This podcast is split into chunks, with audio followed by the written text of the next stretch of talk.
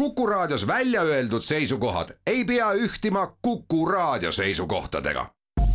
Te kuulate Kuku Raadiot.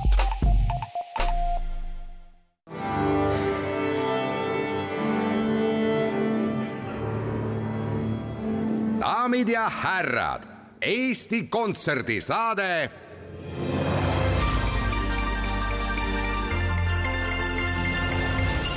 aplaus.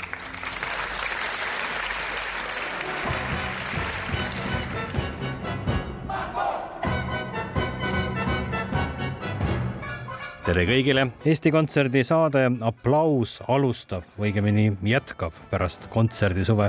on tõesti selline veider hetk, kus kontserdihooaeg pole veel alanud, suvised festivalid on enamuses küll otsa saanud, kuid meil on vägagi palju ja vägagi olulist, millest rääkida ja just nüüd ja just praegu. täna ei räägi mitte veel septembris algavast uuest kontserdihooajast, vaid keskendume just nüüd ja praegu toimuvatele sündmustele just täna alustab kontsertidega rahvusvaheline klassikalise muusika festival noortele nimetusega Kratt see on suur ettevõtmine, mis toob Tallinna vanalinna ja Estonia kontserdisaali kokku pea kakssada noort pillimängijat, kes siis siin orkestreid moodustades pillimehe seda päris elu saavad nuusutada ja alates tänasest on toimumas ka kontserdid.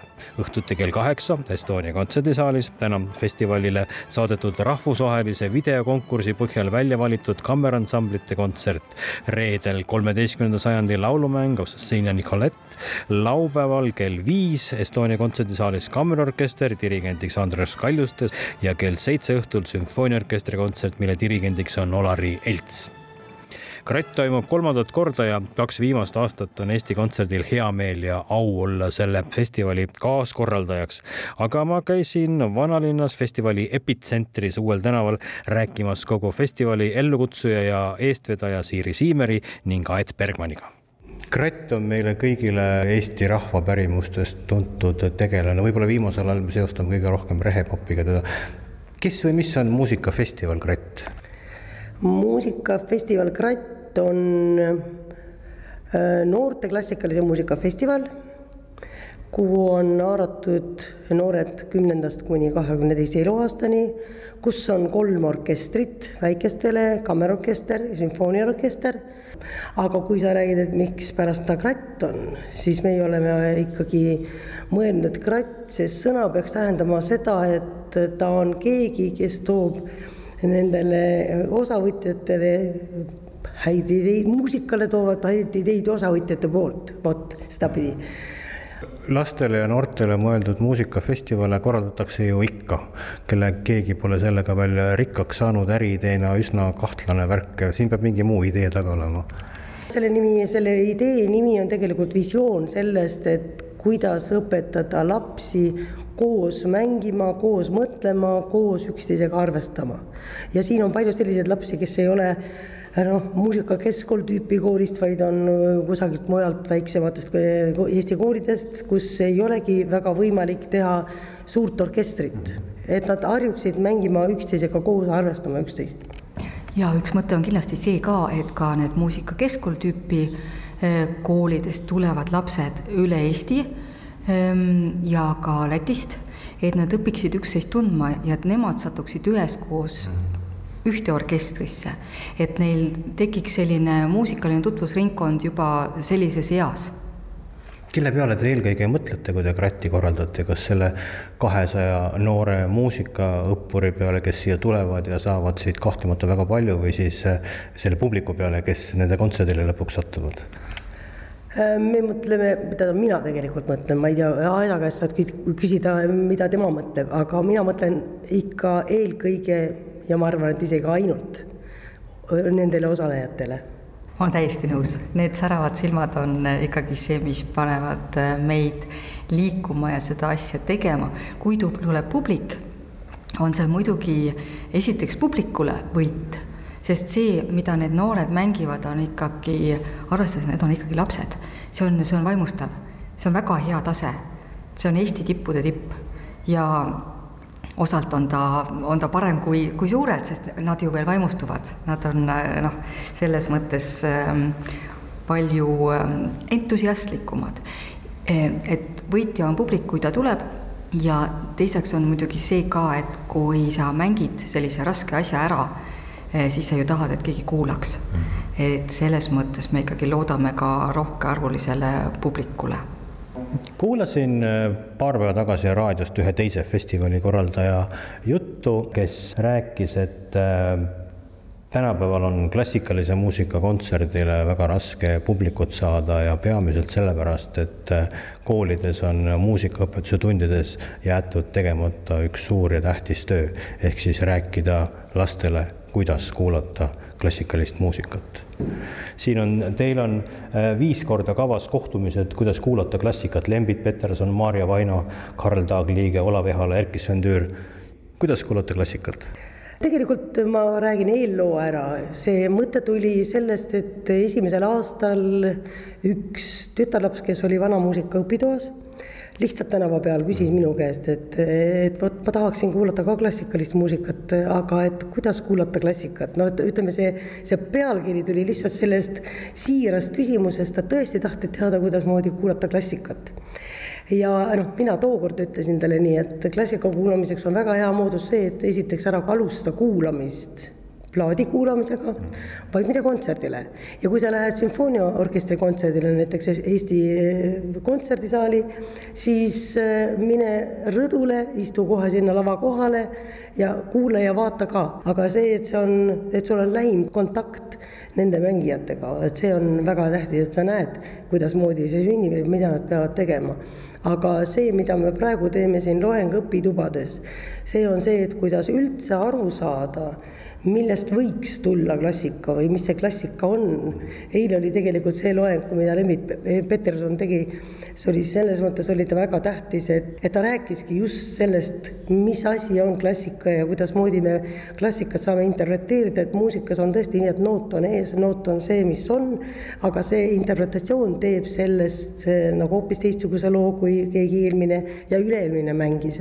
ja sellele, selle küsimusele, kuidas kuulata klassikat, vastab igaüks ise ühtemoodi, et eelmisel aastal meil olid näiteks Anu Lamp ja Doris Kareva igaüks oma vaatevinklist ja see ongi huvitav siis, kui ei ole nad tingimata ka muusikud, vaid kuidas nad defineerivad klassikat ja sellele lähenevad selle festivaliga korraldusega tegelevad inimesed ei ole sellised, kes saavad oma igapäevase sissetuleku muusikaga seotud äh, valdkondadest. konks on selles, et teie lapsed õpivad muusikat ja tegelevad muusikaga, kas äh, on see tänasel päeval äh, arukas, ettenägelik, hea mõte siduda oma lapse teekond ja tulevik muusikaga? see on igal ajal hea mõte, Siiri naerab, aga see ei ole minu valik see on lapse enda valik äh, selles hetkes, kus ta hakkab äh, laulma, enne kui ta hakkab rääkima ja kus ta hakkab sulle ette laulma selliseid asju, mille kohta sa mõtled, et äh, ma ei saa teisiti, kui ma, et ma pean minema muusikakeskkooli katsetele. ja see on lapse valik hiljem ka, kas ta siis harjutab ja kas temast saab muusik või mitte. minul vanemana ei ole seal suurt midagi teha. aga muidugi lapsel peab olema ka selline mingi, mingi taustsüsteem mm. -hmm Krati kontserdid algavad tänasega, soovitage nendest kontsertidest nüüd midagi sellist, kuhu peaks lihtsalt publikuna kindlasti minema? kindlasti tuleb täna minna juba sellele kammeransamblite kontserdile. Te ei taha sellest ilma jääda. seal on äh, need noored, kes on kandideerinud ja kes on välja valitud ja kes on tõepoolest äh, alates äh, nubludest, nummimeetritest kuni tippude tipuni, sinna tuleb tulla. mina ütlen, et tuleb tulla vaatama Augassiini ja Nicoletet, mis on reedel. sest et seal on parim vägi üldse, mis, mida võid ette kujutada sellistest noortest inimestest. seal on väike orkester, kes on väikestest mängijatest ka koosneb ja siis on vanamuusika konsort, kes on niisugune vana kaardivägi, kellest kaks on teinud kaasa selle Augasiini ja Nicolette kõige esimese etenduse tuhat üheksasada kaheksakümmend kuus et noh, tähendab, seal on kõike ja seal on meil oh,, meil on seal teatriõpitoa eh, lavalised võitlejad alustavad üldse seda etendust noh, täna mina vaatasin sinna klassi sisse ja siis äh, nad seal tegid oma harjutusi ja üks väike tüdruk jookseb vastu seina, kukub maha ja on oimetu. mina, süda kukkus saapa säärde, ma mõtlesin, et me oleme ta juba kaotanud, selle peale tõuseb tema püsti ja naerab mu välja. lavaline võitlus no ja siis ei saa, ei saa loomulikult nimetamata jätta Suure sümfooniaorkestri kontserti enne Suure sümfooniaorkestri kontserti on veel kammerorkestri kontsert, kuhu tuleb ka kindlasti tulla. See on laupäeval kell viis, juhatab Andres Kaljuste ja tema ka soleerib vioolal. Eh, nad mängivad Mozarti sümfonia kontsertantet, Andres Kaljuste viola ja Triinu Piirsalu, meie tuntud klassikatäht, mängib seal viiulisoolat. siis on kell seitse sümfooniaorkestri kontsert. ja see on tõeline väljakutse sellest äh, sümfooniaorkestri kontserdist on võib-olla kõige nimetamisväärsem ikkagi Bernsteini West Side Story. Neid ikka kujutad ette mängimas ikka päris suurtest inimestest no, koosnenud sümfooniaorkester? ma arvangi, et see on väga väljakutsuv kava, tõesti. aga Olar Jelts püüab sellega, kes on dirigent püüab sellega äh, eduliselt hakkama saada, me nüüd just hakkame helistama, kuidas esimene proov läks ja kuidas see hakkamasaamine tegelikult välja nägi. aga noorimad seal orkestris on neljateistaastased. Tänasest laupäevani Krati kontserdid kell kaheksa õhtul Estonia kontserdisaalis ja tulge kindlasti kuulama ja lisaks veel üks oluline sündmus enne kontserdihooaja ametlikku algust. teisipäeval, kolmekümnendal augustil kell seitse õhtul Estonia kontserdisaalis Eesti Festivali orkester.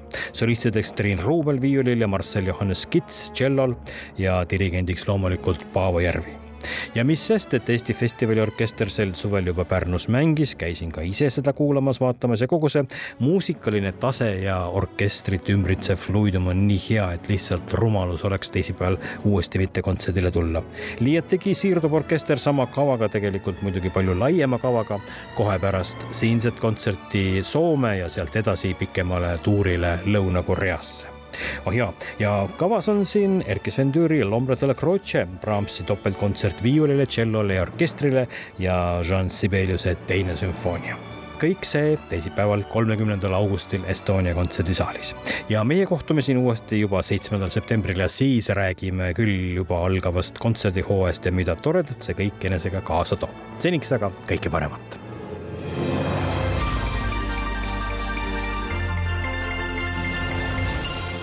aplaus